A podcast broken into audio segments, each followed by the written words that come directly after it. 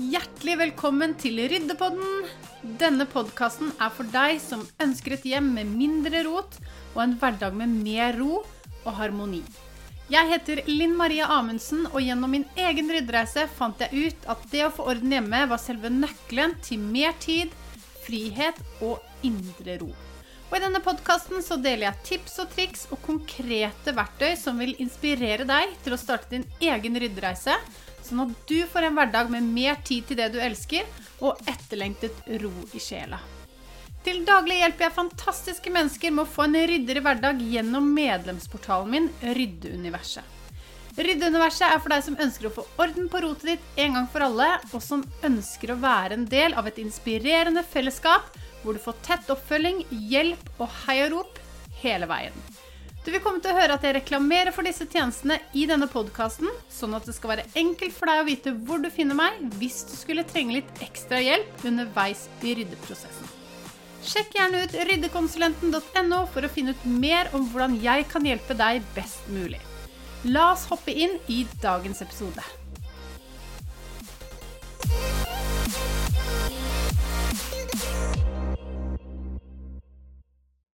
Kjære deg, og velkommen til dagens episode, hvor vi skal snakke litt om det vi ser på Instagram, versus hvordan vi har det hjemme. Og at det ikke nødvendigvis er noe mål at hjemmet vårt skal se ut sånn som på Insta, men at det kanskje heller er viktigere å skape et hjem som fungerer best mulig for deg og det livet du vil leve. Det å få orden hjemme, det å få bort ting du ikke trenger, det å få orden i skap og skuffer, det er jo helt nydelig. Men spørsmålet er er det det samme som å ha et plettfritt hjem til enhver tid. Jeg vil mene nei. Det er det ikke. Eh, men det hjelper definitivt med å skape frihet og mer tid i hverdagen som du kan bruke på andre ting. Og det er jo det som er veldig deilig med å få orden på rotet. Men at det er det samme som at vi må ha det plettfritt til enhver tid, det er det ikke nødvendigvis. Og jeg er ikke spesielt ryddig av meg, men jeg har skapt et hjem og et system som jobber med meg, ikke mot meg. For før så var det sånn at jeg hadde et hjem som jobbet mot meg fordi jeg hadde ikke orden på tingene mine. Jeg hadde for mange ting. Jeg brukte veldig mye tid på å lete, og ikke minst så brukte jeg veldig mye tid på å rydde. Og dette endret seg jo etter at jeg starta min ryddereise i 2013, hvor jeg begynte å ta bort ting jeg ikke trengte lenger. Jeg lagde faste plasser og fikk generelt mye mer orden. Men hvis du kommer hjem til meg i dag, så vil du også se at jeg har overflaterot, sånn som alle andre. Og at jeg ikke heller har brettekanter i alle skuffer. Og det er fordi vi bor her, vi bruker hjemmet, og livet er hektisk. Fordi det er ikke sånn at selv om eh, jeg jobber som ryddekonsulent, og at jeg da har det strigla til enhver tid. Og jeg tenker at det er ikke nødvendigvis måte målet heller. Men for, forskjellen fra nå og tidligere er jo at det går mye fortere å rydde opp overflaterotet fordi vi ikke lenger har like mange ting, det tyter ikke skap og skuffer, og grunnsystemet er på plass. Men én ting da som jeg merker veldig stor forskjell på fra nå og tidligere, er jo det at uh, Altså, jeg har jo overflaterot som alle andre, men det påvirker meg ikke like mye lenger, fordi jeg vet at det går fort å rydde det opp når alt har en flass, fast plass. Og her er det noe som bør noteres bak øret. Fast plass på alt du eier. Og jeg sier ikke at det kommer til å skje over natta, det tar jo lengre tid enn som så. Men når du får faste plasser på alt du eier, så kommer du til å spare enormt mye tid på sikt. Bare det at du slipper å lete når du skal ut av huset eller krafse rundt i skap og skuffer, det vil spare deg for masse tid og ikke minst frustrasjon. Og så vil det også gå mye raskere å, å rydde det opp igjen. Og som jeg sa, så er det jo ikke nødvendigvis sånn at det er et mål å ha det strigla til enhver tid. Fordi vi bor tross alt i hjemmene våre, og hverdagen er hektisk, og livet skjer. Og da blir det veldig slitsomt hvis vi skal ha det plettfritt hjemme hele tiden, hvor det står nydelig kurve på rekke og rad. Og det, det, er sånn i deler av hjemmet mitt, absolutt, men det er ikke sånn overalt. Og jeg sier jo dette også for å på en måte legge lista litt lavere.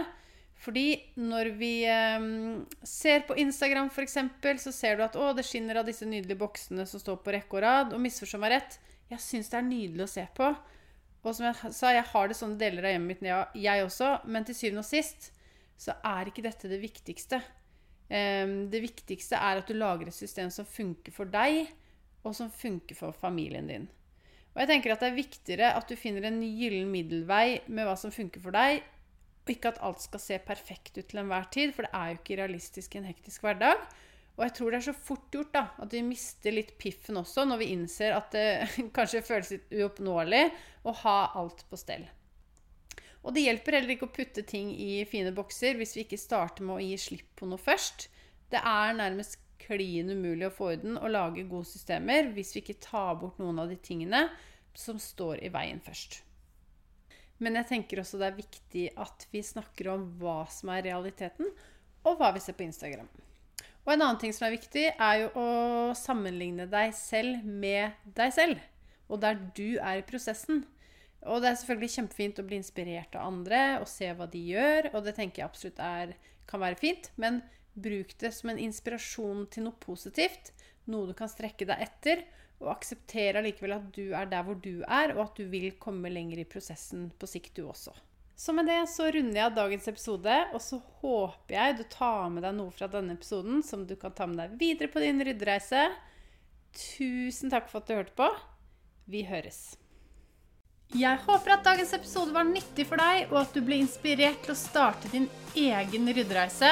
Og hvis du likte det du hørte, så blir jeg veldig glad hvis du deler i sosiale medier at du hører på denne podkasten. Og tagg meg gjerne med at ryddekonsulenten, sånn at jeg kan si hei til deg og takke deg for at du deler. Du finner meg under navnet Ryddekonsulenten på Instagram, Facebook og TikTok. Og jeg vil bare si tusen takk for at du hørte på episoden, og lykke til med din ryddereise. Jeg heier på deg. Vi høres.